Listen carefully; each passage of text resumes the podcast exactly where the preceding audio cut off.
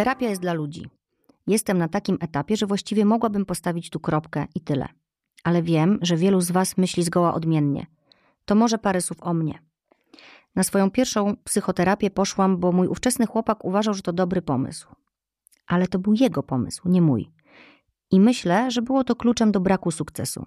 Walczyłam przez parę spotkań ze sobą, z terapeutką, bo tak bardzo nie wiedziałam, dlaczego ja tam w ogóle przychodzę i marnuję swój czas.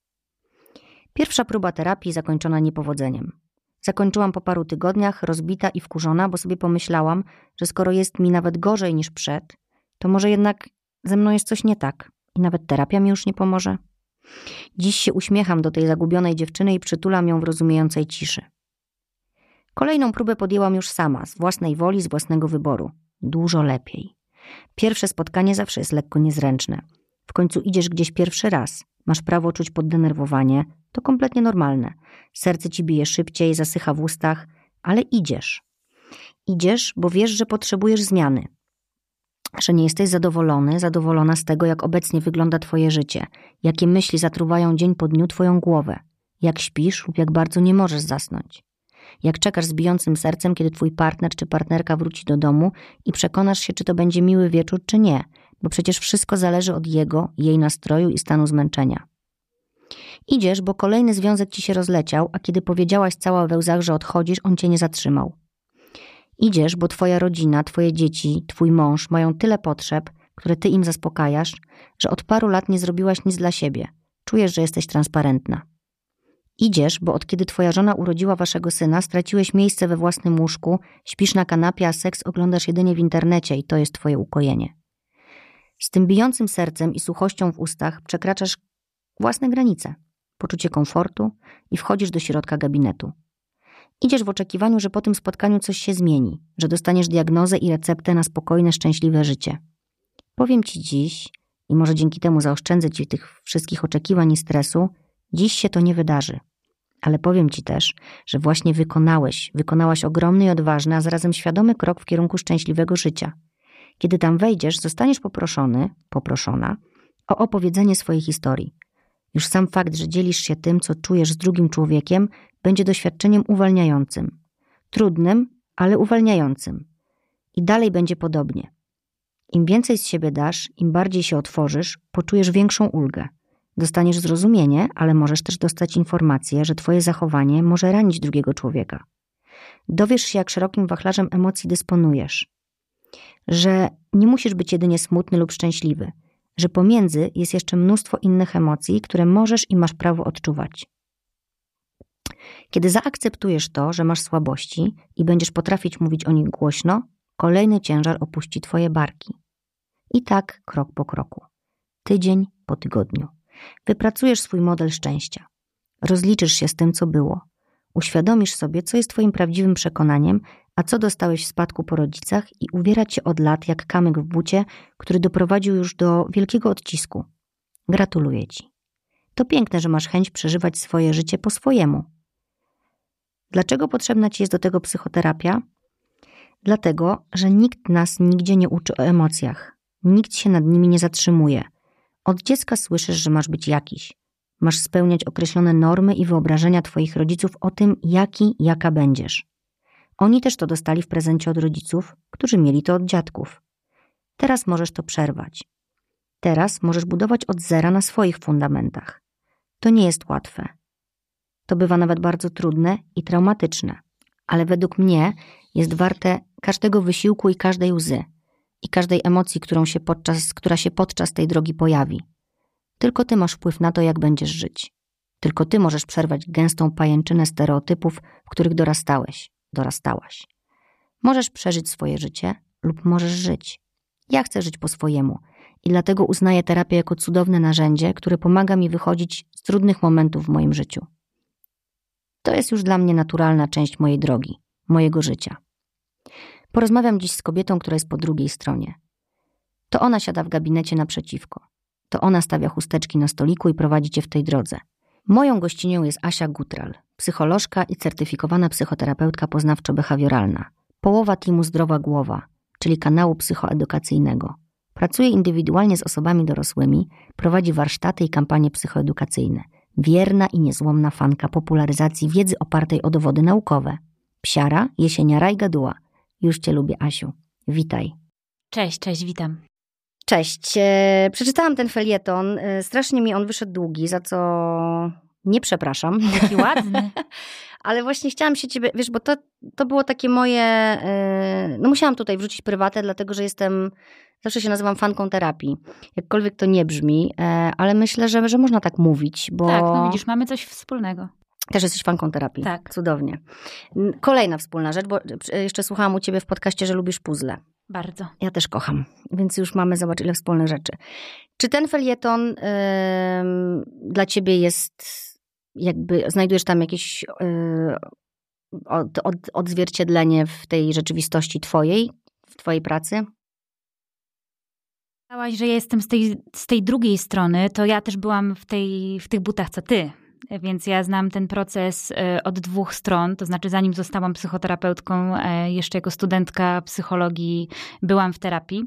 E, ale dużo znalazłam i też sobie myślałam o tym, że to takie twoje i że to kawał takiej pracy terapeutycznej. Myślałam też o twojej terapeutce, że jakie to musi być dla niej ważne słyszeć to, co ty teraz czytasz po latach, jeśli cię słucha i, i słyszy. I myślałam też sobie o różnych takich kawałkach. E, ja je tak sobie w głowie nazywałam, czyli ty coś opowiadałaś, a mi się w głowie wyświetlała konceptualizacja różnych e, takich rzeczy, które się dzieją w czasie, e, w czasie terapii, o tym, że faktycznie nie mamy psychoedukacji w szkołach, a to jest olbrzymia strata dla wszystkich, bo po co leczyć, skoro można zapobiegać. zapobiegać. Wszyscy mamy emocje, nikt nas nie uczy, jak to działa, co się z tym robi. No i teraz też trochę zbieramy żniwo tego tego wszystkiego, no bo trudności y, mamy, mamy dużo, mamy coraz większe ilości samobójstw, w zasadzie z roku na rok zwiększająca się liczba. Pandemia no, y, też łaskawa dla nas nie była pod względem takiego dobrostanu i funkcjonowania psychicznego, więc y, słuchałam sobie ciebie i jesteś taką jedną z takich ja się śmieję uratowanych dusz, ale terapia nie tylko ratuje, bo terapia jest metodą leczenia zaburzeń, mhm. ale nie tylko osoby, które cierpią na jakieś zaburzenia, korzystają z terapii, no bo nie trzeba spełniać kryteriów diagnostycznych, żeby przyjść na terapię i sobie różne rzeczy w życiu i w głowie poukładać. Dokładnie. Chciałabym Cię dzisiaj prosić o fachową pomoc w oswojeniu tego tematu, którym zajmujesz się na co dzień, czyli terapii. Eee, chciałam nazwać ten odcinek tak. Przychodzi człowiek do psychoterapeuty, a psychoterapeuta też człowiek. E, ale to za długi tytuł, choć według mnie bardzo ładny, trafiony bardzo i prawdziwy. Ładny. E, I wiesz, żeby po prostu to, co też powiedziałaś przed chwilą, że ty też byłaś po drugiej stronie, nie? Że, e, że to, to jakby też uwiarygadnia cię, że wiesz, jak trudne to są emocje i jak trudna to jest bariera, którą trzeba pokonać, nie? Żeby tam wejść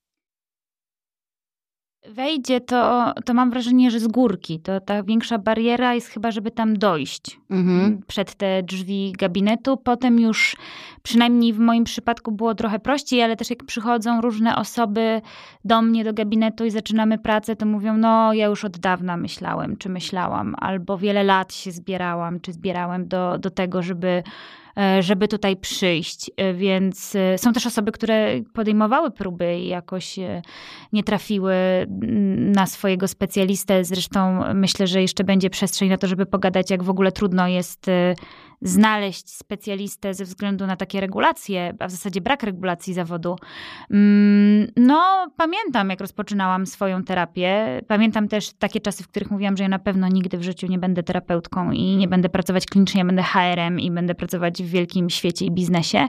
E, I dość szybko mi przeszło, kiedy sobie uświadomiłam, że psychoterapia to nie jest taka o rozmowa, że my tak sobie spotykamy się i tak sobie gadamy, że to nie jest e, dla osób, które nie mają przyjaciół przyjaciół, e, jak taki mit popularny krąży na temat terapii, bo to jest e, przynajmniej psychoterapia poznawczo-behawioralna z tego gruntu będę mówić, bo tylko na tym się znam, e, że to jest metoda o udowodnionej naukowo skuteczności. Tam nie ma przypadków, tam są interwencje, tam są techniki, które są opracowane według planu, więc my tam mamy po prostu kawał roboty do zrobienia na tej terapii, a nie takie o sobie tutaj pogaduchy. Jak żyć. Jak żyć, Pani Asiu? Takie e, właśnie pytania bardzo często ja też dostaję. E, słuchałam Twojego podcastu i wiem, że to samo się dzieje u Ciebie na przykład na Instagramie, że ludzie by chcieli dzisiaj właśnie wejść i dostać receptę e, i żyć dalej. Szczęśliwie to y, myślę, że byłabym y, bardzo bogata i w zasadzie, nie wiem, sprzedałabym ci ją, dałabym ci, bo dobrze ci sobie patrzeć i sama też bym y, sobie ją zaaplikowała. Natomiast no, życie nie jest proste i jednego przepisu na życie to my nie mamy i każdy z nas ma i różne zasoby, i różne okoliczności, i różne takie czynniki ryzyka, czy czynniki wspierające nas w życiu.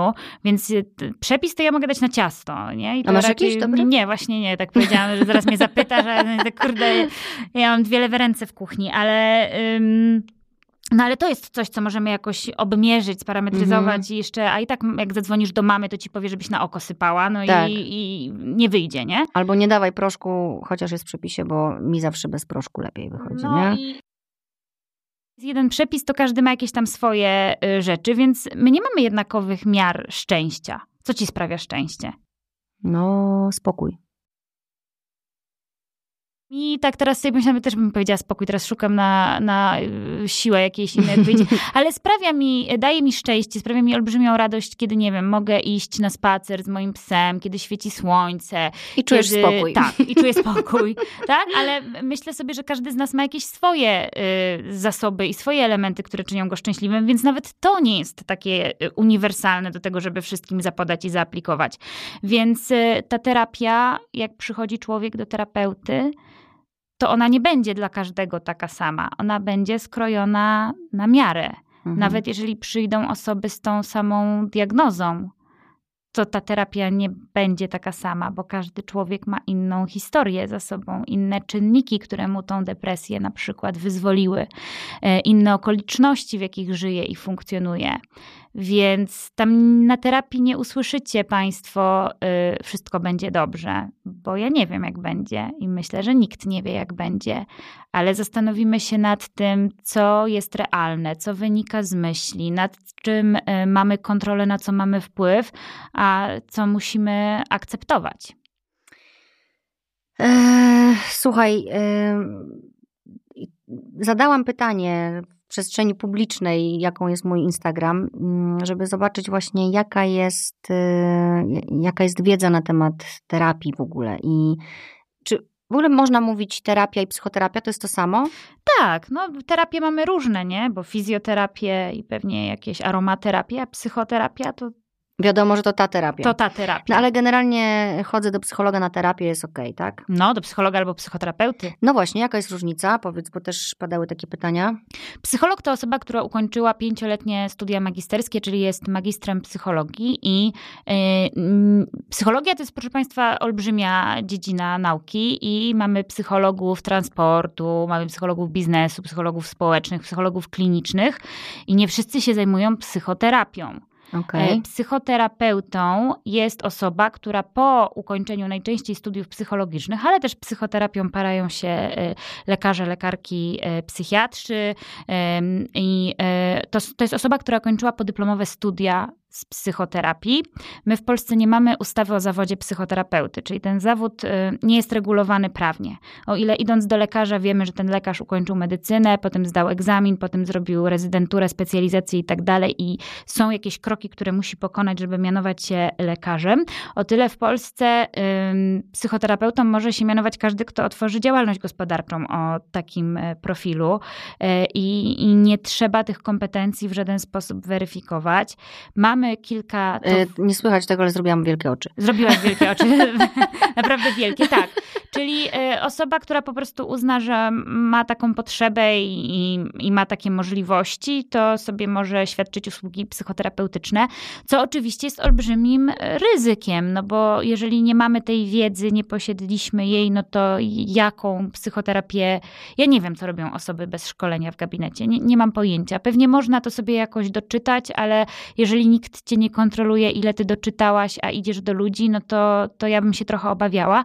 Ale mamy kilka towarzystw y, w Polsce, które y, certyfikują psychoterapeutów, to znaczy ustalają jakieś, jakiś zakres umiejętności, szkolenia, godzin, stażu klinicznego, który dany psychoterapeuta musi posiadać. Można przystąpić do egzaminu, no i wówczas się ma certyfikat jakiegoś towarzystwa.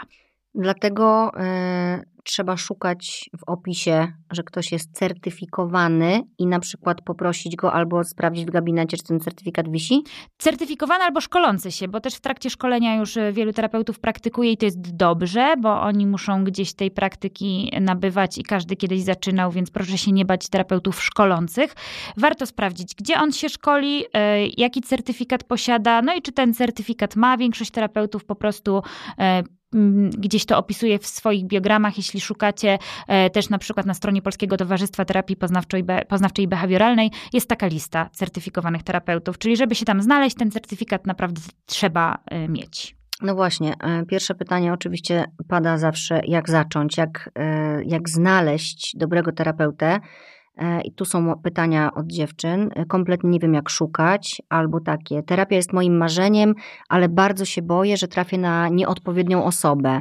Albo często blokadą przed terapią jest obawa o znalezienie odpowiedniej osoby, w jaki sposób szukać. To są, wiesz, e, najczęstsze pytania. Ja sama dostaję bardzo dużo pytań, czy ja mogę polecić nie, kogoś. Mm, ja swojego terapeuty nie polecam, bo dla mnie to jest y, bardzo intymna sytuacja i więź. I jak wiesz, no polecam moim bliskim ludziom, których znam, ale jakoś nie czuję, wiesz, że chcę się dzielić tym z całym światem. Jest to dla mnie bardzo ważne. Natomiast gdzie są takie miejsca właśnie, że mówisz na, na stronie Polskiego Towarzystwa Terapii Poznawczej i Behawioralnej? Tam można znaleźć listę. Tak, ale Polskie Towarzystwo y, Psychologiczne, Polskie Towarzystwo Psychiatryczne też ma takie swoje listy, gdzie można poszukać też na zdrowej głowie. Czasami udostępniamy te informacje także w wyróżnionych relacjach. To już tak może zawczasu powiem, są wyróżnione numery interwencyjne, gdyby ktoś bardzo potrzebował wsparcia, a wizytę umówioną miał za parę miesięcy. E, no po pierwsze, zwracamy uwagę na to, z kim taka osoba pracuje, czy dzieci, czy młodzież, czy dorośli, czy pary, czy rodziny, w zależności od tego, czego szukamy, e, czy się szkoli, e, czy posiada certyfikat lub jest w takim ośrodku akredytowanym jakimś towarzystwem, czyli szkoli się w takiej szkole, która faktycznie ma moc nadawania tych certyfikatów. No i czy poddaje swoją pracę superwizji. I myślę sobie, że jeżeli takie elementy są zawarte w biogramie, no to, to warto temu zaufać. Zresztą w gabinetach terapeuci zazwyczaj gdzieś te swoje certyfikaty uwidaczniają. Y, zawsze macie prawo zapytać, czy pan się pani szkoli, gdzie, y, czy certyfikat, czy superwizja. Zazwyczaj takie intro gdzieś terapeuta robi też przedstawiając się, chociaż wiemy, że pierwsza wizyta to duże emocje, więc mogą nam różne rzeczy umknąć. I ja polecam czasami ludziom terapeutów, e, ale nigdy nie gwarantuję im, że to będzie wasz terapeuta, bo oprócz no kompetencji to mamy jeszcze taki specyficzny czynnik ludzki. Nie? Ja na przykład mhm. my się spotkałyśmy i ja tak jakoś na ciebie spojrzałam. Fajnie mówię, się gada. Dobra, powiem jej, że tych rzęs nie pomalowałam mi trochę głupio. E, ale będą takie osoby, przy których pewnie bym się jakoś czuła nieswojo wstydziła, więc tam jest jakiś element e, takiego, takiego, Tej chemii, takie, tak? tak? takiego specyficznego, losowego czynnika. No bo właśnie tutaj też miałam takie pytanie, e, może gdzieś do niego dojdę, żeby tu nie szurać teraz kartkami właśnie a propos tego, czy a, no tutaj jeszcze mam. Skąd wiedzieć, że trafiło się do dobrego specjalisty? Nigdy nie byłam i boję się, że trafię na kogoś nieodpowiedniego. To mój pierwszy raz i boję się, dużo tu tego lęku, bo myślę, że w ogóle pójście pierwszy raz do specjalisty generuje ogromną ilość lęku i to też chciałabym, żeby to wybrzmiało, że to jest kompletnie normalne. Bardzo normalne, tak. I żeby sobie dać w ogóle prawo do tego, żeby to czuć i nawet jak wejdziecie, to możecie powiedzieć, Jezu, bardzo się boję, nie? I że zostaniecie od razu z wejścia zrozumiani i, i, i też powie wam terapeuta, że to jest normalne. Tak, no też jak się coś robi pierwszy raz, no to skąd ma się wiedzieć, jak to działa? Jak się już znajdzie miejsce, no to warto tam sobie zadzwonić, dopytać płatności, jak to wygląda, gdzie przychodzę, gdzie parkuję i sobie ten lęk minimalizować.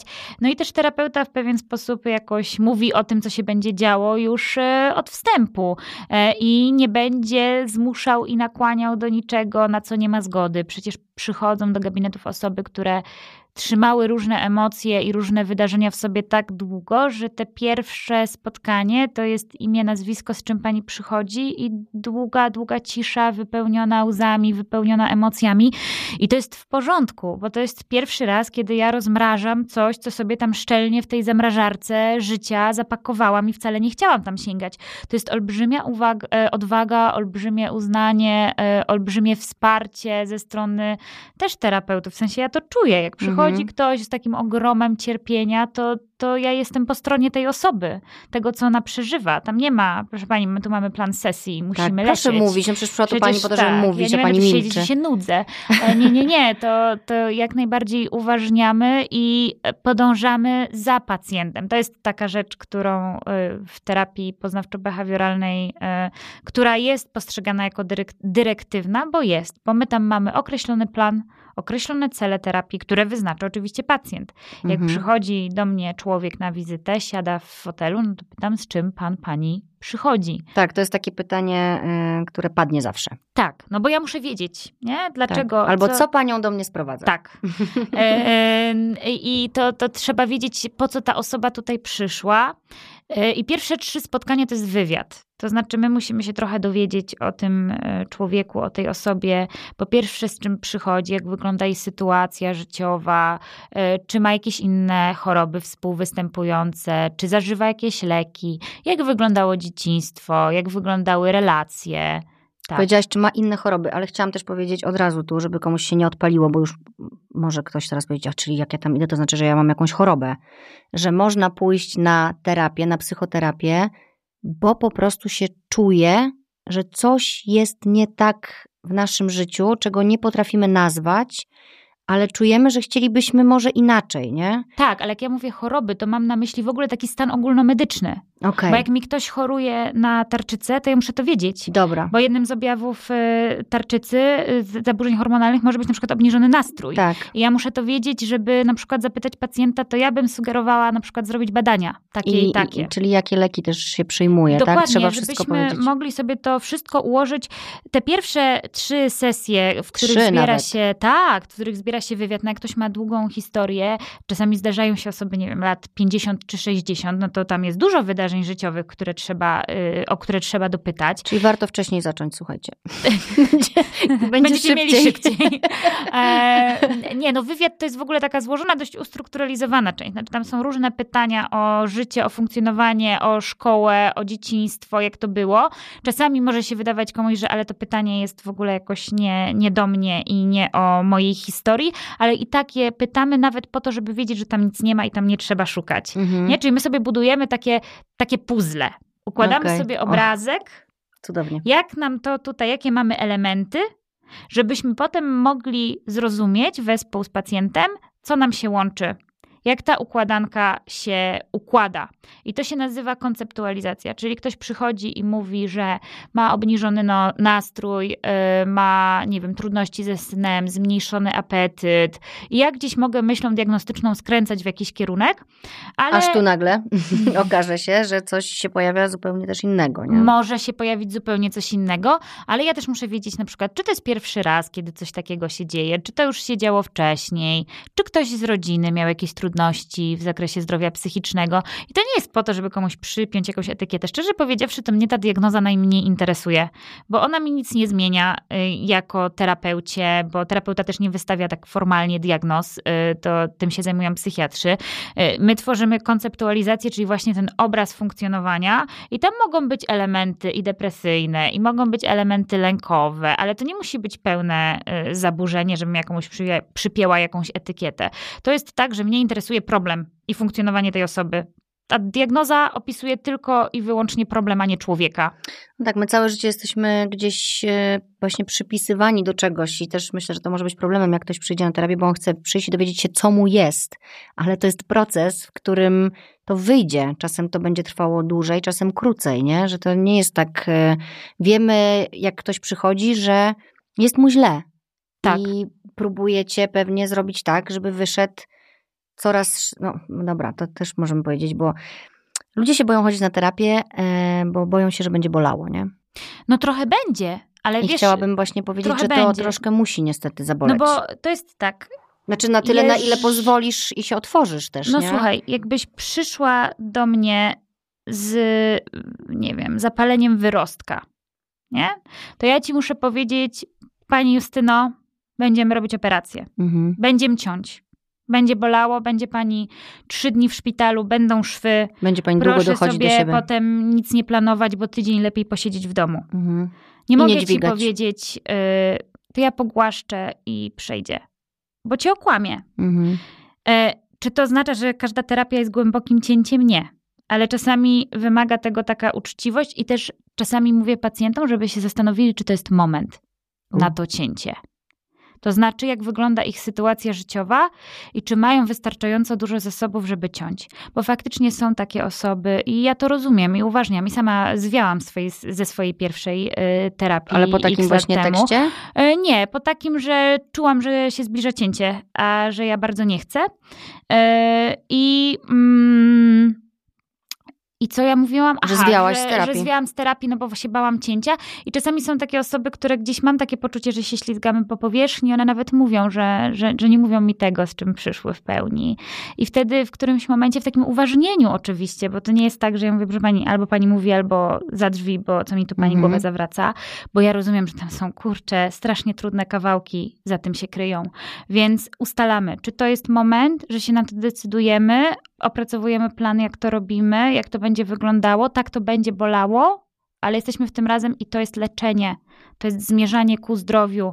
My to robimy, żeby było lepiej. Mhm. Trzeba wyrwać ósemkę po to, żeby potem mieć dalej piękny uśmiech. To będzie bolało jakiś czas, ale to minie i to służy czemuś, żeby było długofalowo lepiej. Lepiej. Potwierdzam. Potwierdzam jako e, osoba po długofalowej terapii. Tak, i nikt w tym bólu tam nie zostawia, nie? Tak, nie opuszcza w tej no terapii. chyba, że zwiejesz. No chyba, że zwiejesz, tak. Nie polecam. No, że to jest właśnie decyzja, która może dużo zmienić.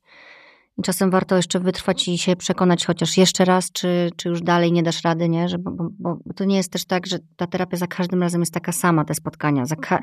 Wiesz, co ci powiem? Ja, e, jak jestem na przykład w terapii, z reguły mi się to zdarza jesienią, e, bo wtedy mam duży spadek nastroju i obniżenia. Jestem po, de, po depresji, później po epizodach jakichś nawrotowych. Więc już wiem, że jesienią po prostu muszę więcej o siebie zadbać. I teraz e, zmieniam swój też tryb życia, już się przygotowuję na to, ponieważ nie chcę wracać do brania leków i chcę świadomie przechodzić przez te okresy, które wiem, że są dla mnie trudniejsze. To też wymaga e, wysiłku e, i tego, że no znowu muszę tam wrócić i się, wiesz, babrać. Ale z reguły największe odkrycia e, przynosi mi terapia, kiedy idę i mówię tak, właściwie nie wiem, po co ja tam idę. Nie, że idę, wiesz, z walizą, rozpakowujemy tak, dobra, to teraz tak, to, to, to, to, to, to się wszystko, to jest źle, to jest. Tylko na przykład przychodzę i tak, no to z czym dzisiaj przychodzisz do mnie? Ona pyta. A ja mówię, wiesz, właściwie to nie wiem. No i zaczynamy gadać. No i się nagle okazuje. Wiesz, w momencie, kiedy ja nie jestem właśnie przygotowana, nie mam wszystkiego opracowanego, tylko przychodzę po prostu i zaczynamy rozmawiać i się zaczynam otwierać i się okazuje, ojej, to to tak bolało, a to dlatego.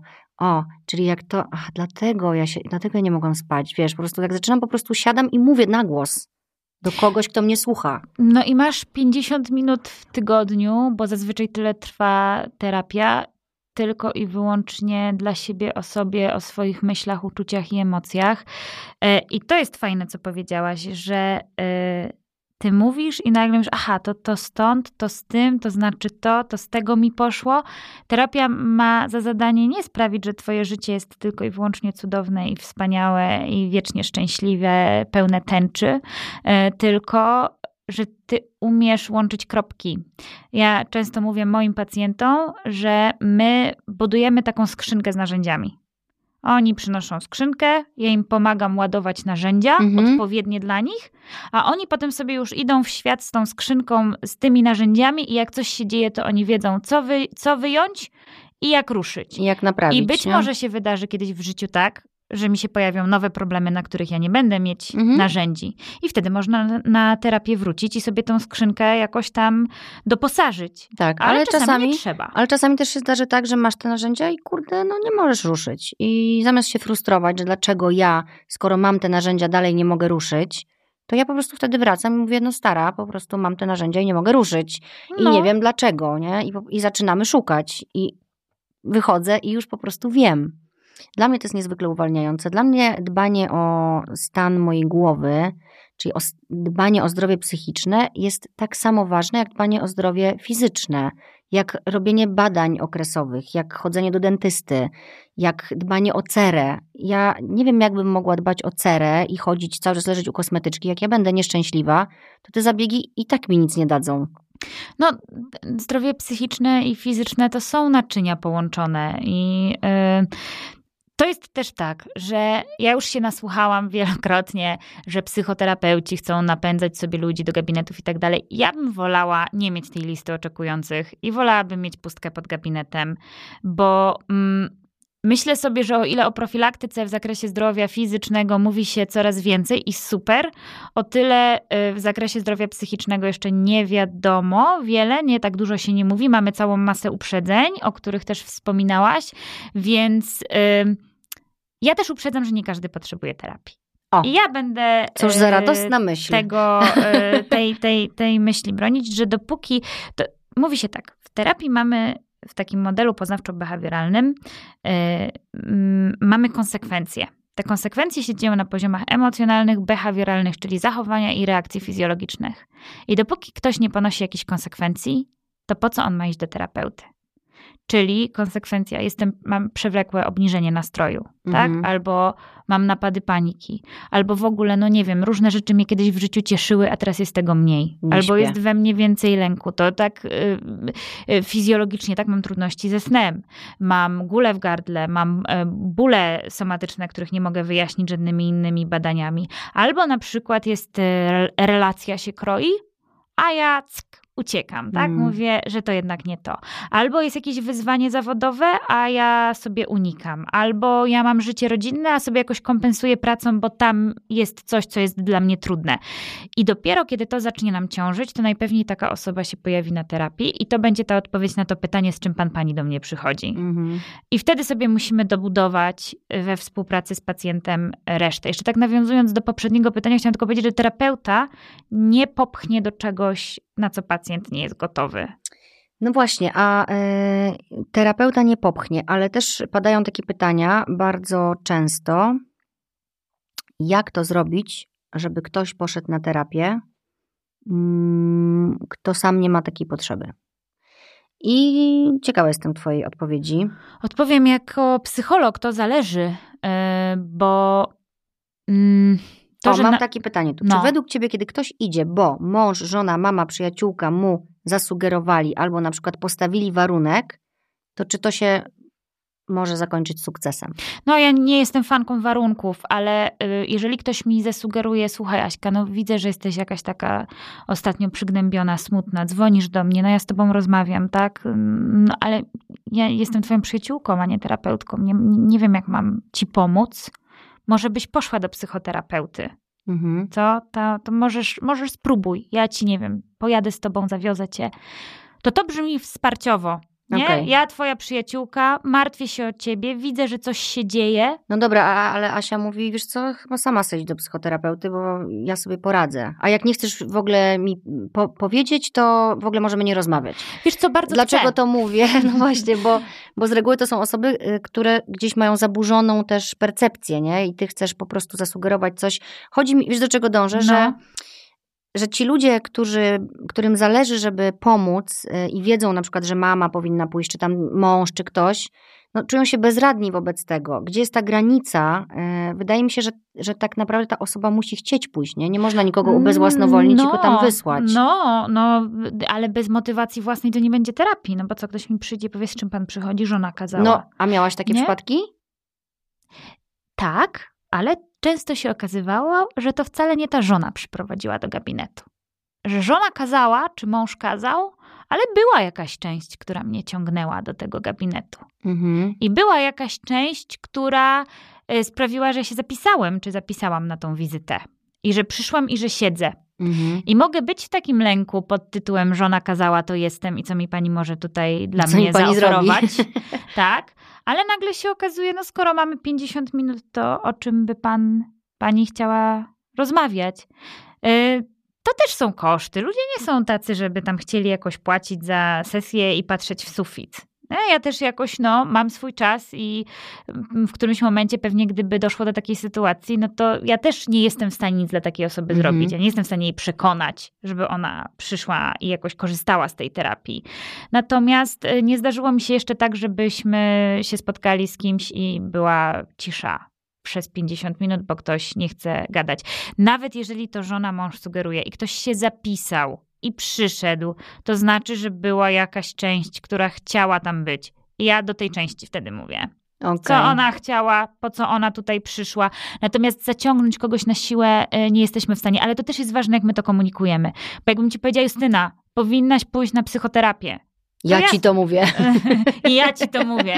To byś mi powiedziała, no sama se idź. No. Ale jeżeli ja nazwę to, co się dzieje, że widzę. Poprosimy że teraz o taki trudno. komunikat wsparciowy. E, Justyna, dzwonisz do mnie, od miesiąca gadamy, widzę, że jest ci trudno. Kocham cię, jesteś cudowna, fajna babka.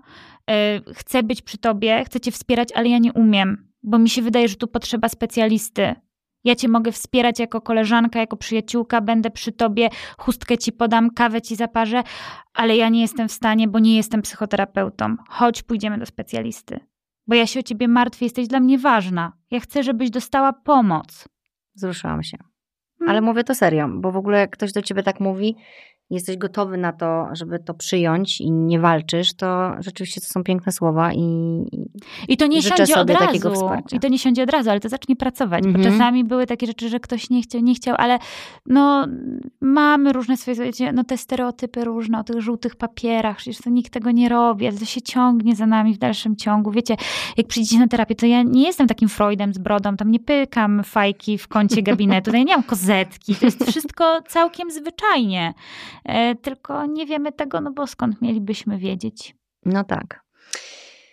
E, słuchaj, no e, właśnie teraz chciałabym też powiedzieć, przeczytać Ci te pytania, które ja dostaję, które właśnie mm, świadczą o braku informacji mhm. jedynie i aż. E, na przykład, Psychoterapia. Kiedy powinna być wspomagana lekami? Jak to rozpoznać? Nie radzę sobie z emocjami i swoimi reakcjami, serduchem, dygotaniem itp. Czy zacząć od wspomagania się lekami i dopiero potem terapia? Boję się zacząć. E, dobra, to jest jedno pytanie. Czy to jest znak zapytania? I dopiero potem terapia? Więc pani pyta, czy wiesz, najpierw ma brać leki, czy ale skąd te leki? Mhm. Wszystko się miesza, nie? Tak. Dobra, to przy, przykładajmy to też może do takiej terminologii medycznej, bo wtedy będzie nam łatwiej znaleźć analog, analogię. Mhm. Jak idziesz do lekarza pierwszego kontaktu, bo cię boli kolano, to on ci od razu nie powie, co ty masz. Skieruje cię. Skieruje cię na badania. Badania przyjdą, obejrzy i powie, co dalej. Czy mhm. operacja, czy fizjoterapia, czy leki. Mhm. I podobnie jest z psychoterapią. Przyjdziesz do psychoterapeuty, posłucha, zrobi te badania, dojdzie do wniosku, potrzebuje konsultacji psychiatrycznej, powie proszę iść na konsultację psychiatryczną. Psychiatra zdecyduje, czy włączamy farmakoterapię, czy nie włączamy farmakoterapii. E, są też zalecenia e, na przykład WHO ma swoje zalecenia, na przykład e, brytyjskie e, Centrum Medyczne ma swoje zalecenia, w których nam e, sugeruje, że w przypadku na przykład depresji o nasileniu silnym zalecana jest farmakoterapia i psychoterapia poznawczo-behawioralna, ale nie, jako pacjenci nie przejmujmy odpowiedzialności za cały proces leczenia, bo to my jesteśmy leczeni, a nie koniecznie musimy być ekspertami w swojej sprawie i Moje doświadczenia ze z takiej współpracy psychoterapeuci, psychiatrzy jest e, raczej dość dobra. To znaczy, psychiatra, jeżeli trafia najpierw do psychiatry, to faktycznie psychiatra czasami wypisze farmakoterapię, olekuje, ale też mówią i sugerował, czy sugerowałabym psychoterapię e, jakąś, i e, wtedy, nie wiem, widzimy się za trzy miesiące i jakoś to leczenie idzie dwutorowo. Ale tak samo, jak przychodzi ktoś do psychoterapeuty i psychoterapeuta sobie tworzy jakoś ten obraz e, pacjenta i może dojść do wniosku, no ja tutaj potrzebuję wsparcia farmakoterapeutycznego i wtedy poprosi o konsultację psychiatryczną. Więc nie musicie Państwo decydować, dajcie specjalistom pracować, oni Wam powiedzą. Ja tak miałam, e, poszłam do poradni na NFZ. Chciałam też tu wszystkim powiedzieć, że da się też chodzić e, na NFZ. Da się, tak. I bo wiesz, dużo osób mówi, że nie stać mnie na terapię. E, mnie wtedy też nie było stać na terapię i poszłam, szukałam w wielu miejscach, bo terminy były rzeczywiście dosyć odległe i tutaj nic nie zaradzimy. Niestety, rzeczywistość jest smutna w tym temacie, że terminy są dosyć długie, ale warto szukać, warto się wpisywać na jakieś listy rezerwowe, jak nie blisko, to gdzieś dalej, zapisać się nawet w paru miejscach, ale jak już się dostaniesz nam do jakiegoś, to po prostu tamte skreślić, żeby mhm. nie trzymać komuś miejsca i być uczciwym tutaj. No i poszłam i byłam już w takim złym stanie, że rzeczywiście najpierw byłam konsultowana przez psychiatrę i dostałam leczenie. I warunkiem było to, że będę uczęszczać na terapię. Poszłam do pani, która mnie przypisała do grupy, co było dla mnie wtedy totalnym szokiem, że jak ja będę w grupie, w ogóle nie mam możliwości takiej. To było zbawienie dla mnie. Później się dowiedziałam, jak się odważyłam na ten krok, ale na początku był ogromny gniew na tą osobę i w ogóle wiesz, to jest po prostu skandal. Wyszłam stamtąd i byłam tak wzburzona, że myślałam, że wystrzelę w kosmos. Ale te emocje, jak każde, opadły. Do, dotarło do mnie, co mi powiedziała wtedy tego dnia ta pani. Dotarło do mnie, że ma dla mnie miejsce w grupie w środę, każdą o tej o tej godzinie. I jeżeli się w tę środę nie pojawi, to to miejsce zajmie ktoś inny, bo jest bardzo dużo osób, które czekają. No i tak się zaczęła moja przygoda. Eee, a potem po prostu z tych leków, w trakcie, kiedy zaczynałam się coraz lepiej czuć, coraz pewniej i zaczynałam przede wszystkim wiedzieć, co się ze mną dzieje zaczęłam, w ogóle się dowiedziałam, ile jest emocji. To był taki szok, jak zobaczyłam te kartki tam, które wisiały, wiesz, na tym korytarzu z wypisanymi emocjami. Zrobiłam sobie zdjęcie po prostu. Mówię, kurde, to jest niemożliwe. I ja to wszystko mogę czuć, Wiesz, po prostu zawsze myślałam, że albo jestem zadowolona, albo, albo, albo smutna, albo zła. Białe albo czarne. Że, że to był taki też przełom. I potem po prostu pod opieką lekarza i psychologa, psychoterapeuty, schodziłam z tych leków i, i teraz tu jestem sobie już i po prostu korzystam wtedy, kiedy, kiedy potrzebuję. Zawsze najpierw idę do mojej, e, do mojej psy, psychoterapeutki i rozmawiamy i no i tyle. No i po prostu jestem, mam tak zwane, wiesz, albo jestem stale w terapii, kiedy jest właśnie jesień, kiedy jest gorzej, albo mam takie emergency tak zwane, czyli po prostu umawiamy się, że kiedy się poczuję źle i już będę czuła, że sama skrzynka z narzędziami otwarta, a ja nie wiem, co do czego służy, bo, bo się gdzieś za, zapętliłam, zakałapućkałam, to po prostu dzwonię i się umawiam, nie? No, różnie te schematy terapii wyglądają, nie? Faktycznie są takie osoby, które załatwią sprawę i idą w świat i nie wracają. To załatwienie spraw działa, u mnie trwało, bo właśnie to jest kolejne pytanie, które się no. pojawia. W ogóle może powiedzmy to, żeby nie umknęło. E, jak, zobacz, to są pytania, jak długo powinna trwać terapia i czy należy ją powtarzać? Następne pytanie. Ile poświęcić czasu na terapię? Rok, dwa czy pięć? To, jest, to też świadczy o tym, że ludzie oczekują recepty, nie? że po prostu, że są jakieś schematy. Każdy jest inny i musimy też to powiedzieć, że wy nie wiecie, jak ja do was przychodzę i nie mówicie, o, pani to będzie tu dwa lata z nami. Po oczach. Tak. tak. o, pani, noc. pięć lat to jak w ogóle tak, na takie wyroki, pięć lat tak. w zawieszeniu. E, panią na pięć lat terapii. Nie, e, to znaczy ja nie będę romantyzować psychoterapii, bo to jest rzemiosło. Mm. I ja się czuję rzemieślnikiem. Jeżeli przychodzi do mnie pacjent i on mi mówi, jakie on ma cele, mm. bo to nie ja wiem, jak on ma żyć. To ja muszę od niego się dowiedzieć, czego on potrzebuje. Czy celem terapii może być dom z basenem? Nie, bo nie mam nad tym mocy nie? Ale czy na przykład chciałabym się nauczyć stawiać granice, chciałabym nie mieć napadów paniki, chciałabym umieć regulować na, nastrój, chciałabym się nauczyć asertywności, to są już jakieś cele terapeutyczne.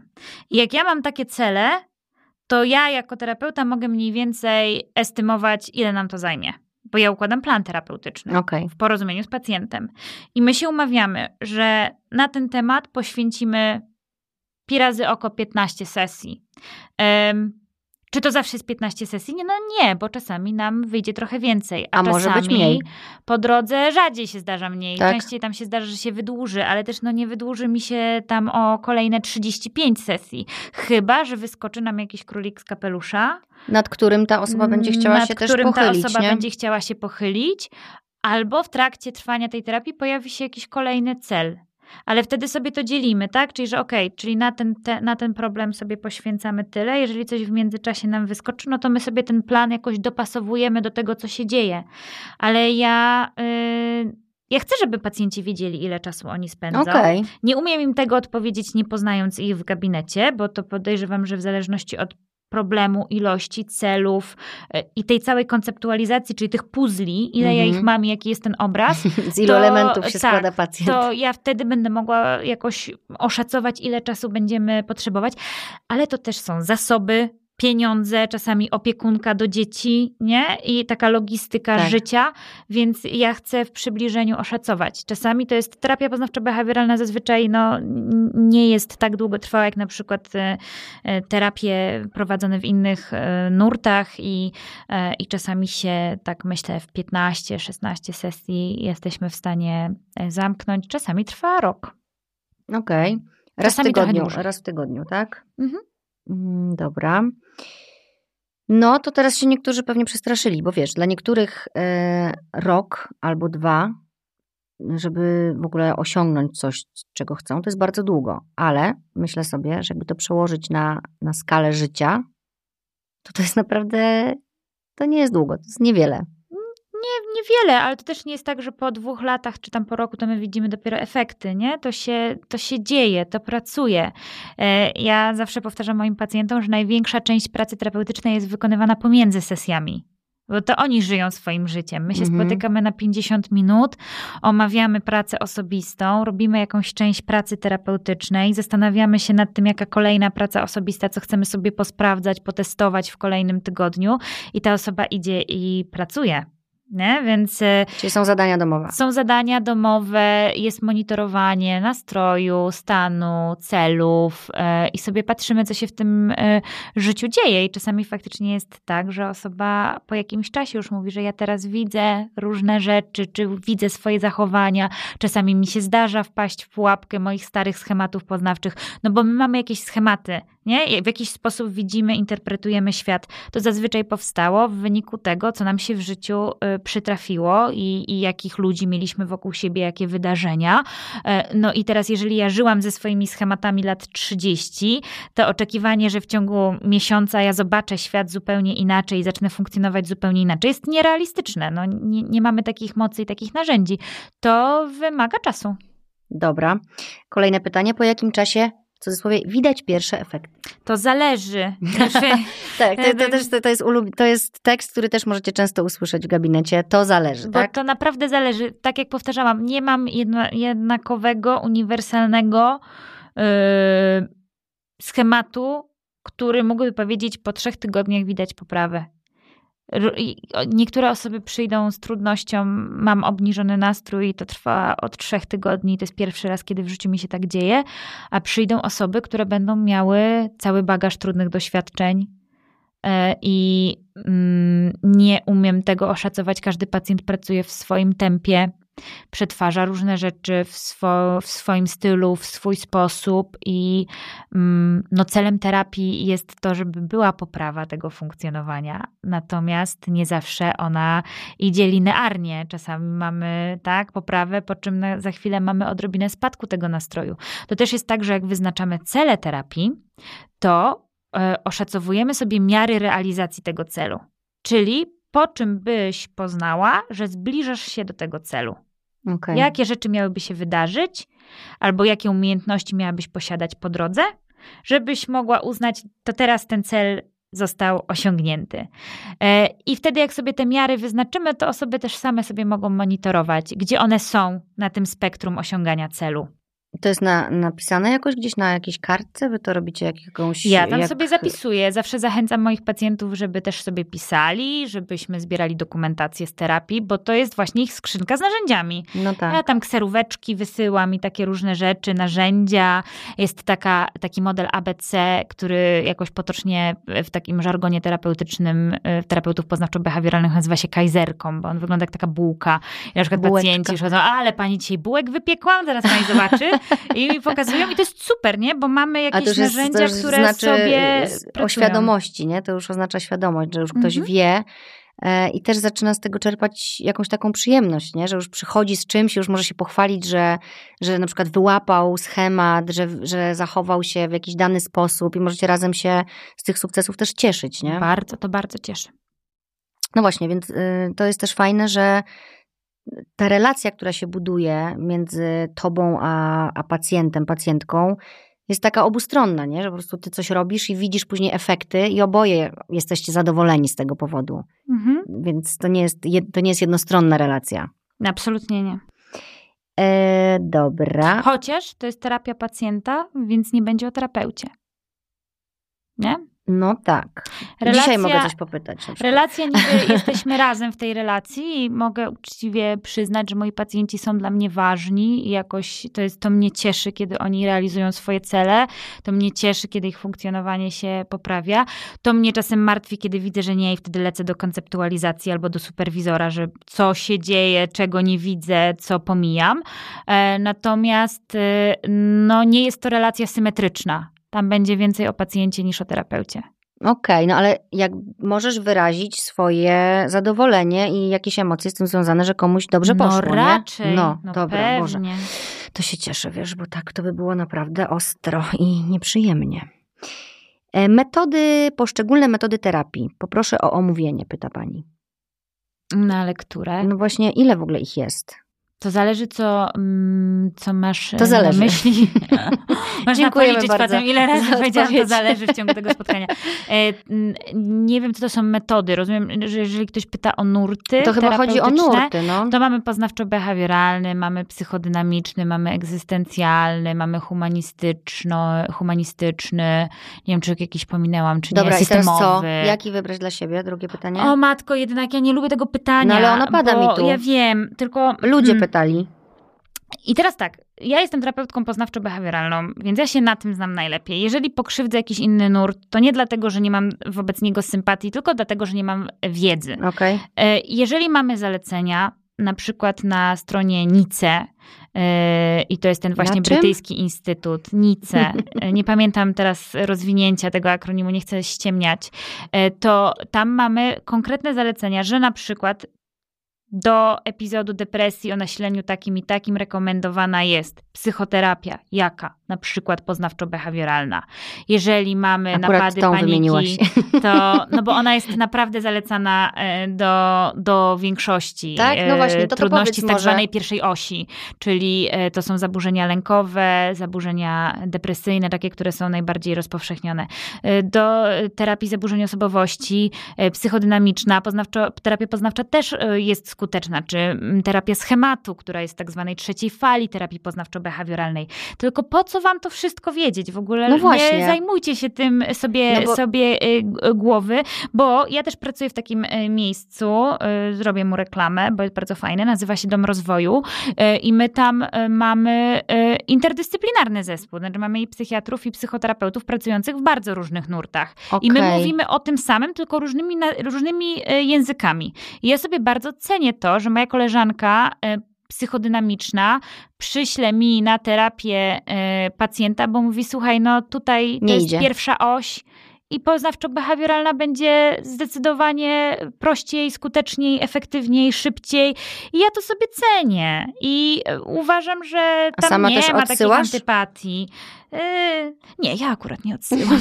nie masz potrzeby. Nie, czasami się zdarza, że, że odsyłam do innych specjalistów i, yy, i myślę sobie, że to jeżeli znajdziemy osobę, z którą nam się dobrze współpracuje, na przykład no, ta poznawczo-behawioralna, ona w porównaniu z psychodynamiczną jest nieco bardziej dyrektywna. Tak? Cele, miary realizacji celu, co robimy, jak działamy, plan terapii. Psychodynamiczni e, mają cele, ale może nie pracują aż tak skrupulatnie wedle planu. E, jest tam na trochę innych mechanizmach e, sobie funkcjonują, więc nie zajmujcie się Państwo jakoś tutaj mm, no, można sobie zerknąć na WHO, można sobie zerknąć na NICE i sprawdzić, do jakiego zaburzenia, jakie formy terapeutyczne są Chyba rekomendowane. najważniejsze, żeby po prostu I wydaje mi się, że wtedy to będzie taka naj, najrzetelniejsza odpowiedź. Najważniejsze chyba jest, żeby po prostu wykonać ten krok i sobie zdać sprawę z tego, że potrzebujemy pomocy, po prostu pójść po tą pomoc. Ale ludzie właśnie nie wiedzą gdzie. No, więc na przykład tam, gdzie powiedziałaś dzisiaj, e, jeszcze raz możesz Dom powiedzieć. rozwoju, bardzo fajnie, w Warszawie na Mokotowie. Można pójść i się na przykład czegoś dowiedzieć albo sprawdzić w internecie i, i już. I się nie zrażać, jak wam No nie właśnie. kliknie za pierwszym razem. No właśnie, no właśnie. Tak jak ja tutaj czytałam w moim felietonie, mi nie kliknęło za pierwszym razem, bo ja w ogóle nie byłam gotowa na to, e, żeby na takiej terapii się znaleźć i właśnie był to pomysł osoby z zewnątrz, która uważała, że ja się już kwalifikuję na terapię i dlatego też to powiedziałam, bo no po prostu ja się męczyłam, bo ja tam poszłam walczyć, żeby udowodnić, że ja nie potrzebuję. Mm. I to nie przyniosło żadnego efektu. Mm. I dopiero potem pomyślałam, że spróbuję jeszcze raz, bo może rzeczywiście wtedy było coś nie tak. Miałam też na przykład kiedyś takiego terapeutę, nie wiem za cholerę, nie pamiętam w jakim on nurcie pracował, ale mi to kompletnie nie odpowiadało. To było tak, że ja przychodziłam, on siadał naprzeciwko mnie, Boże, jak sobie to przypominam, to normalnie mam jeszcze emocje z tym związane. No. Teraz to już się śmieję, wtedy miałam takiego wkurwa. On siadał, patrzył na mnie i się nie odzywał ani słowem. Mhm. I czekał, aż ja będę mówić. Mhm. Ja się czułam, jak on mnie łamał na jakimś kole po prostu. I im więcej on czekał, tym bardziej ja już nie chciałam nic mówić, nie? I po prostu, a potem stwierdziłam, no dobra, skoro już tu jestem i właśnie płacę i coś tam, no to się zmuszę do tego, żeby mówić. No ale to była jego metoda pracy, nie moja, y, nie podpasowała mi, więc się po prostu zawinęłam stamtąd po jakimś czasie, kiedy zobaczyłam, że no to nie idzie w dobrą stronę. I poszłam szukać dalej. I myślę sobie, że to tak trochę wygląda, no to tak jak w życiu. No ale mamy swoich fryzjerów, swoje kosmetyczki, No, każdą relację. swoich tam jakichś ulubionych, nie wiem, sklepy odzieżowe, piekarnie i cukiernie. Swoje no smaki. I, e, no i, i mamy swoich ludzi. No. I czasami trochę, no to jest ten specyficzny czynnik ludzki, że czasami z kimś kliknie, czasami nie kliknie. No, ja też nie, nie chcę oceniać e, jakby tutaj metod terapeutycznych e, innych e, terapeutów, ale myślę sobie, że czasami taka cisza w terapii też jest oczyszczająca. To nie jest tak, że terapeuta będzie nadawał jak Katarynka. Nie? Ja teraz tak nadaję, ale ja nie jestem taka na sesji. Teraz ci powiem, żebym sobie poszła z kimś pomilczeć, bo po prostu w moim życiu jest tyle słów opowiadanych wszędzie i w pracy, i w domu. Powiedziały dwie podkaściary. Dokładnie. I poszły po prostu, zamknęły się w studio i siedziały i patrzyły i milczały. Może powinnośmy tak, taki podcast Taki zrobić. Dokładnie. To zrobimy wam takie wideo, jak będziemy siedziały i patrzyły po prostu na siebie w milczeniu i będziemy odczuwały wielką satysfakcję z tego. No ale jakby dlaczego o tym opowiadam, że, nie że właśnie nie musi to zadziałać, no i żeby sobie potem nie mówić, ja zmarnowałem czas i pieniądze, no tak się czasami zdarza też, nie, ale żeby się nie zniechęcać, tylko jak się dalej czuje, że się ma potrzebę i się ma problem, no to po prostu szukać dalej, no. No, tak, no ale też no różne mm, znam wymagania i oczekiwania, tak, że czasami przychodzą osoby z taką myślą, no pierwsza wizyta i ona mi nie powiedziała, co ja mam robić. No to już powiedziałyśmy tu, że nie powiemy na pierwszej Mm, wizycie. Znaczy Na- nie na powiemy, każdej- na każdej, wy nie powiecie, Na każdej, my- koleżanko. Na każdej my nie powiemy e, w ogóle, co robić. Jak ktoś mnie Jak zapyta, e, co on ma zrobić, to ja powiem, że nie wiem. No powiedz co, to ja tak płacę życiowo. tutaj i mi nie mówi, co ja No właśnie, terapeuta nie powie, jak żyć. To jest najgorsze. Terapeuta nie powie, zostaw tego chłopaka albo zostaw tę dziewczynę, wyprowadź się, zmień pracę. Nie, nie powiem tak. Nie, nie To zrobię tego, nie podejmę decyzji. To można, zwłaszcza jeśli jakieś tam przyszłościowe rzeczy, to można u wróżki. Ja nie umiem wróżyć i nie umiem przewidywać przyszłości. Em, natomiast możemy się zastanowić, jakie są zyski i straty z każdego Mhm. z tych zachowań, czego ta osoba by chciała, czego by potrzebowała, czego się obawia, czy te obawy są realne, czy te obawy to raczej takie katastrofizacje, które widzimy w myślach i oczyma wyobraźni. E, możemy się zastanowić, nad czym ja mam wpływ, na co nie mam wpływu, ile dyskomfortu i ile niepewności jestem w stanie stolerować, co to o mnie mówi, co to dla mnie znaczy. Więc my tak sobie krok po kroczku dochodzimy, ale ta, te decyzje życiowe, no jednak są w mm, rękach tej osoby, która żyje to, to życie. No właśnie, y, o tym jest terapia, że to tak naprawdę nie ty mówisz, co ktoś ma zrobić, tylko ktoś nagle zaczyna czuć, że ojej, to jest to.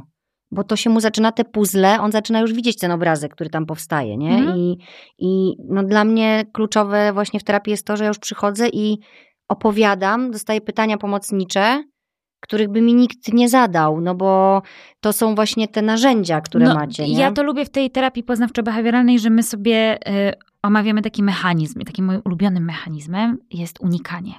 To znaczy, przychodzą różne osoby i na przykład y, dzieje się coś trudnego, na przykład w pracy, dajmy na to, mam mieć prezentację, czuję olbrzymi lęk, dzwonię, że jestem chora i nie przyjdę. No, klasyk. To jest taki klasyczny mechanizm unikania. I teraz unikanie daje mi krótkofalową ulgę. Nie poszłam na tę prezentację, uff, mogę odpocząć w domu, nie? Wszystko nie muszę fajnie, się stresować. temat zniknął. Tak. Ale długofalowo coś tracę. Na przykład awans, który byłby dla mnie ważny, albo jakiś wyjazd, y, który byłby jakoś istotny dla mojego rozwoju. I wtedy, jak my sobie to nazywamy, że to jest właśnie przykład unikania, kiedy ono się pojawia, jakie są krótko-długofalowe konsekwencje, to osoba przychodzi i mówi tak, znowu uniknęłam już wie. Mówi. Już wie, co się tak, co już zrobiła. Wie, co się dzieje. Tak. I to jest okej. Okay, no. no bo żyłaś z tym mechanizmem ileś lat. I nie wiedziałaś, dlaczego tak się dzieje. Teraz wiesz, co się dzieje, przynajmniej rozumiesz, i to jest już takie pół kroku od mm. tego, żeby się zmieniać. Możemy się wtedy zastanawiać, co nam może pomóc w zmianie tego zachowania. No dokładnie, to, bo to jest tak, ja też wiesz, jestem osobą, która po prostu zachęca wszystkich, którzy tego potrzebują i czują, że potrzebują, żeby prosili o pomoc. To ja się tego też cały czas uczę i pomimo tego, że jestem już po różnych terapiach, to też mam problem czasami z tym, ale właśnie to, że potrafię to nazwać, oszczędza mi wielu po prostu sytuacji, gdzie ja wiesz, ja, sobie, ja to tak nazywam, że jak ja nie wiem, co się ze mną dzieje, to jak człowiek bym wisiała w powietrzu, wiesz, i dyndała nogami. Nienawidzę tego stanu. Jestem tam czasami, bywam tam czasami nadal, ale cały czas próbuję sprowadzać się na ziemię i stać mocno na nogach i wiedzieć, co się dzieje. Nawet jakby miało się dziać chujowo, to ja wiem dlaczego, co, co się stało i co ja mogę z tym zrobić. Ale widzisz, bo w życiu czasami jest chujowo. No jest. I teraz, jeżeli w życiu jest chujowo, ja się tak samo czuję, to moje uczucia są adekwatne do tego, co ja mhm. przeżywam. I sama świadomość tego, że dobra, teraz jest źle ze mną i teraz ja potrzebuję zwolnić, nie wiem, wziąć dwa dni wolnego, y, odpuścić jakiś projekt, pobyć sobie sama ze sobą. Powiedzieć głośno w domu, czuję się chujowo. Wybaczcie, po, jestem słaba tak, teraz. albo powiedzieć, słuchaj, synku, córeczko, mężu. Czuję się chujowo.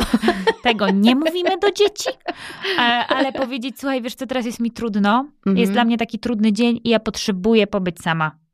Y, to sam, sama świadomość tego, że ty to wiesz i umiesz to nazwać i wiesz, czego potrzebujesz, to jest twoje narzędzie. Sięgnęłaś tak. sobie do, do skrzyneczki z narzędziami, wzięłaś, zaaplikowałaś i, y, i, jest inaczej. To jest też super w relacji z dziećmi, że możemy im to pokazać, że mhm. czasami jest trudno, świat się nie kończy, mama, tata mogą sobie pobyć Potrzeb, w gorszym nastroju ale i też, potrzebować. Potrzebują, nie? Żeby też na przykład moje córki wiedziały, że jak już one będą mamami, to na przykład nie muszą być cały czas do dyspozycji każdego, kto je o to poprosi. Ja też się tego uczę, żeby one, bo jeżeli one będą mnie taką widziały, że cokolwiek się nie dzieje, to ja jestem po prostu na baczność i, i, uśmiechnięta i zadowolona, to ja wychowam takie właśnie kobiety cyborgi, które potem nie dopuszczą do siebie swoich uczuć. No i taką nietolerancję dyskomfortu to jest taki temat, który mnie ostatnio zajmuje jakoś terapeutycznie bardzo dużo, bo mamy teraz takie pokłosie tego wszystkiego positive vibes only. Yes. E, sky is the limit.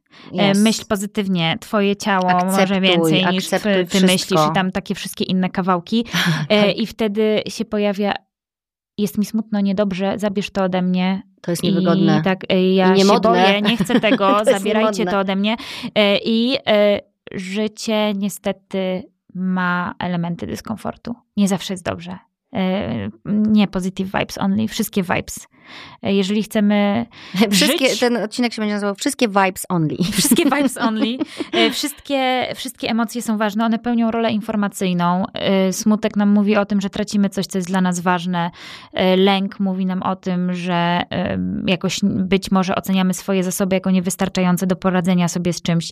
Złość nam mówi, że nasze granice są naruszane. To są informacje. Opowiada jeszcze, kocham o emocjach. Słuchać. A, tak lubisz? Takie nazywać, tak takie nazywać. tych wszystkich tam swoich karteczek z poczekalni. Wszystko, no siedziałam e, tam trochę. No radość nam mówi, że nasze potrzeby są spełnione, coś fan, fan, fantastycznego się dzieje, ja dostaję coś, co jest, albo spełniam się w czymś. Więc jak my sobie, tak, ja zazwyczaj z pacjentami się opieram w tych podstawowych e, emocjach i e, no zobacz, jak sobie weźmiesz taką informację, wychodzę ze spotkania wkurzona jestem. Nie? Mm. Czuję złość. Tak. Pierwszy krok. Złość czuję. To o czym mnie ta złość informuje? Co tam się wydarzyło? Co mnie zezłościło? Nazwę to i teraz mogę się zastanowić, czy ja mogę coś z tym zrobić i czy ja chcę coś z tym zrobić. Mhm. Szef mi tak powiedział, że o, a Aśka to znowu przyszła taka nieprzygotowana na to spotkanie. Rzęs nie pomalowała Rzęs nawet. nie pomalowała, zapomniała.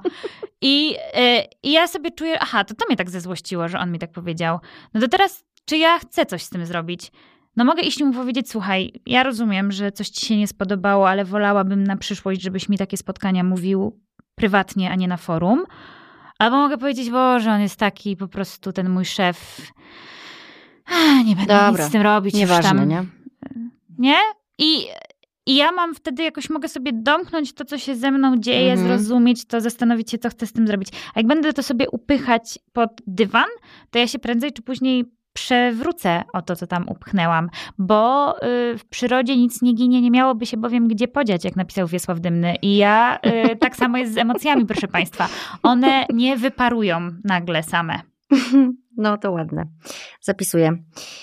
E, Słuchaj, czas nas już drepcze, e, dam, nam, nam drepcze po piętach ten czas, ale ja chciałabym tu jeszcze ym, tych trochę pytań. e, Dziewczyna pisze do mnie, zakupoholizm, Justynka, jak zrobić pierwszy krok do leczenia?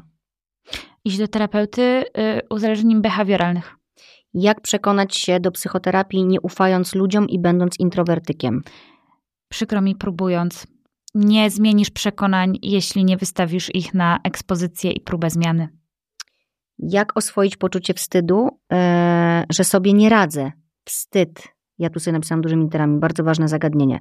Chodzę na terapię, więc jestem mięczakiem. Sama sobie nie radzi i musi prosić o pomoc. Proszenie o pomoc. Kolejna trudna sprawa.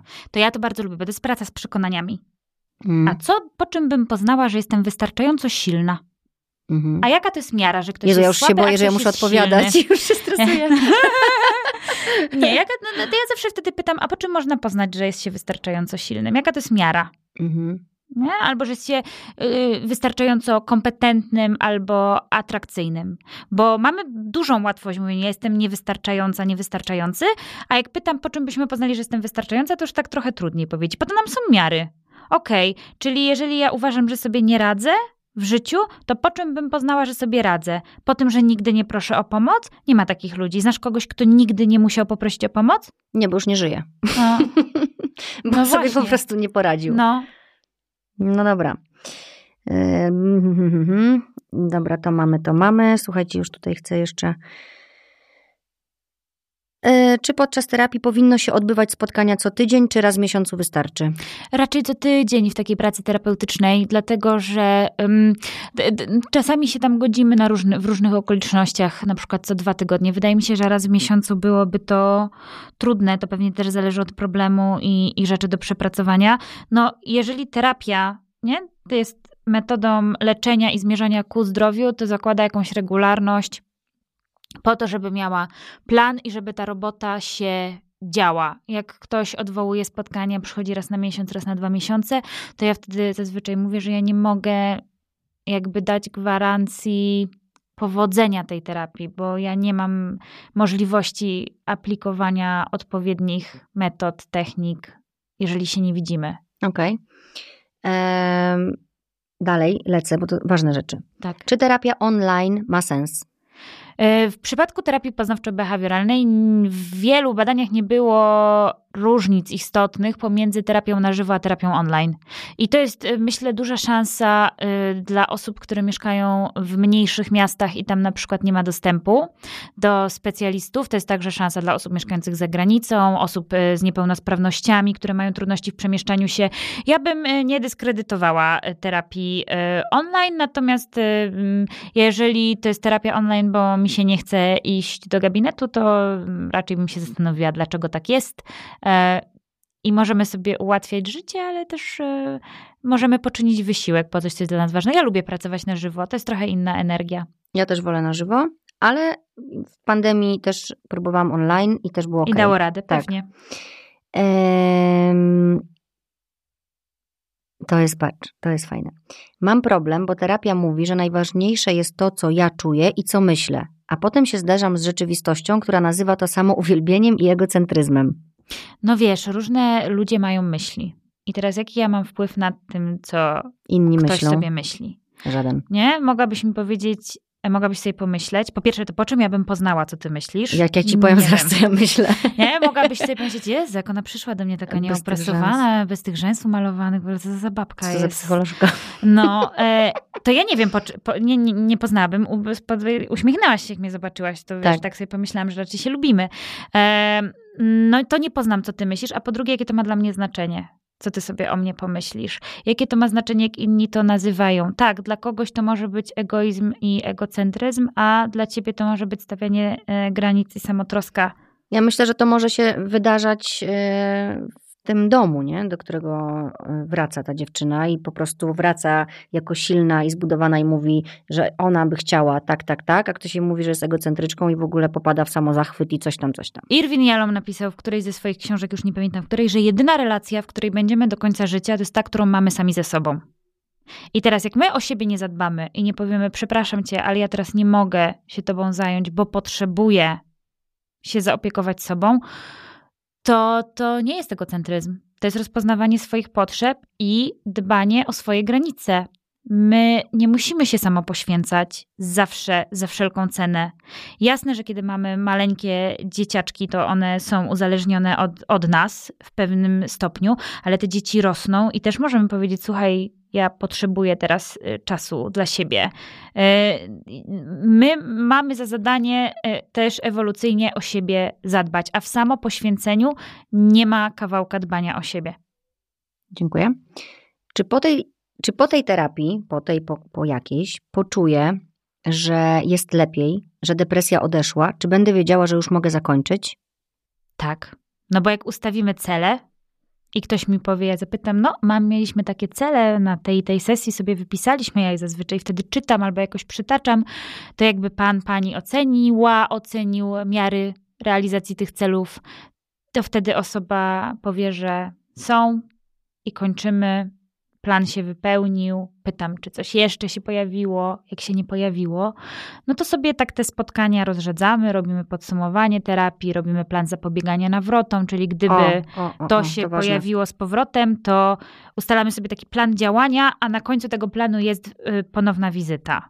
Nie? Okej. Czyli różne techniki, które osoba może sama spróbować wykorzystać, a gdyby y, to nie przyniosło skutku, czyli ja stoję właśnie nad tą swoją skrzynką i nie wiem za co chwycić, to, to przychodzimy ponownie na, na konsultacje. Nie mówimy od razu na terapię, tylko na konsultacje i to może być takie właśnie jednorazowe spotkania, dwa spotkania i wcale nie trzeba powtarzać terapii, no a czasami może też wypłynąć coś całkiem nowego. Ja to nazywam przeglądem technicznym. No, który sobie też robię od czasu do czasu i to jest okej. Fajnie, że, że, że jest ta opcja właśnie, że nie wypuszczasz yy, tak, wiesz, dobra, to radź se teraz już, tylko że właśnie jest ten plan, bo to dla wielu ludzi myślę, że jest bardzo ważne, nie? Że, że, bo oni często, znaczy oni, my często nie wierzymy tak do końca, że to jest, że naprawdę jesteśmy już szczęśliwi, nie? Ja, mi też bardzo długo zajęło, żeby w ogóle to poczuć, a w ogóle, żeby to powiedzieć na głos, to już w ogóle był jeszcze kolejny proces. no ale my po terapii nie musimy być szczęśliwi. No ale że osiągnęliśmy te cele. No na Tak. przykład tam było napisane, że ja będę czuła spokój i będę szczęśliwa. I na przykład Ale czuję co, go... zawsze to ja ci nie, takiego celu nie, pos, nie pozwolę nie, postawić. nie, nie, ale powiem ci, no chodzi o to, że, że już się czuję wystarczająco silna na przykład, żeby się usamodzielnić i już nie przychodzić tutaj, nie? Mhm.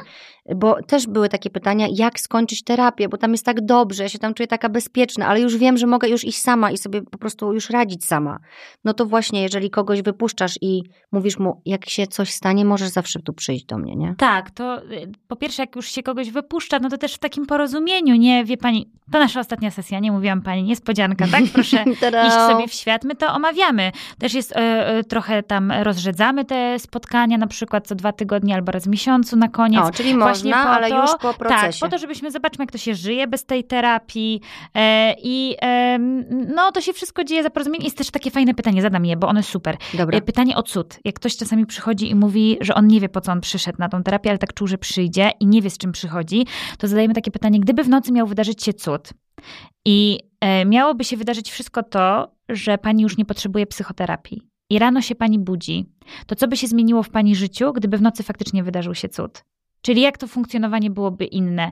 I czasami jak robię to z pacjentami, to oni na końcu mówią, wie pani, tak dzisiaj sobie wstałam w nocy i sobie myślałam, że już chyba ten cud to się wydarzył i teraz właśnie jest tak, jakbym potrzebował czy Mhm. potrzebowała tego i, i to jest taki fajny moment, żeby kończyć terapię, ale też y, osoby wnoszą czasami, że one mają taką, takie wrażenie, że już wszystko jakby sobie załatwiły i, i, i tak się zastanawiają, co dalej i my to sobie omawiamy, jakoś się umawiamy na kończenie terapii, to się nie przerywa z dnia na dzień. Okej. Mm, dobra, to jeszcze. Czy jeśli dwie osoby mają problem same ze sobą i to się przekłada na związek, to czy terapia małżeńska ma sens, czy lepiej, żeby każde, o, każdy osobno najpierw poszedł na swoją terapię? No i znowu, to zależy, nie? No bo jeżeli coś dotyczy... Wiedziałam, że to powiesz. Tak, no, przepraszam. Nie wiem, czy ktoś jeszcze tego słucha. Halo, jesteście tu jeszcze? E, To zależy. To zależy. Ale y, no czasami się zdarza tak, że są dwie osoby jakoś, które sobie korzystają z osobnej terapii, ale jeżeli coś dotyczy relacji, jeżeli przyjdzie do mnie pacjent i jakoś opowiada różne rzeczy y, o relacji, a ja mam takie poczucie, że ja nie mogę nic zrobić, Bo mając tylko tej jedną strony. osobę, tak, no to, to sobie rozdzielamy, co jest do terapii indywidualnej, czym się możemy zaopiekować w terapii indywidualnej, a co by trzeba było załatwić w terapii pary. E, czy jeden e, psychoterapeuta może prowadzić i parę, i osobno Nie. osoby? Chciałam, nie, nie może tego zrobić, ale zazwyczaj, jeżeli ja kogoś gdzieś odsyłam, to nie w przestrzeń, nie do wujka Google, tylko y, proponuję kilka osób, jakieś numery telefonów, y, konkretne namiary, żeby, żeby y, ta osoba już jakoś mogła trafić. A dlaczego tego nie wolno robić?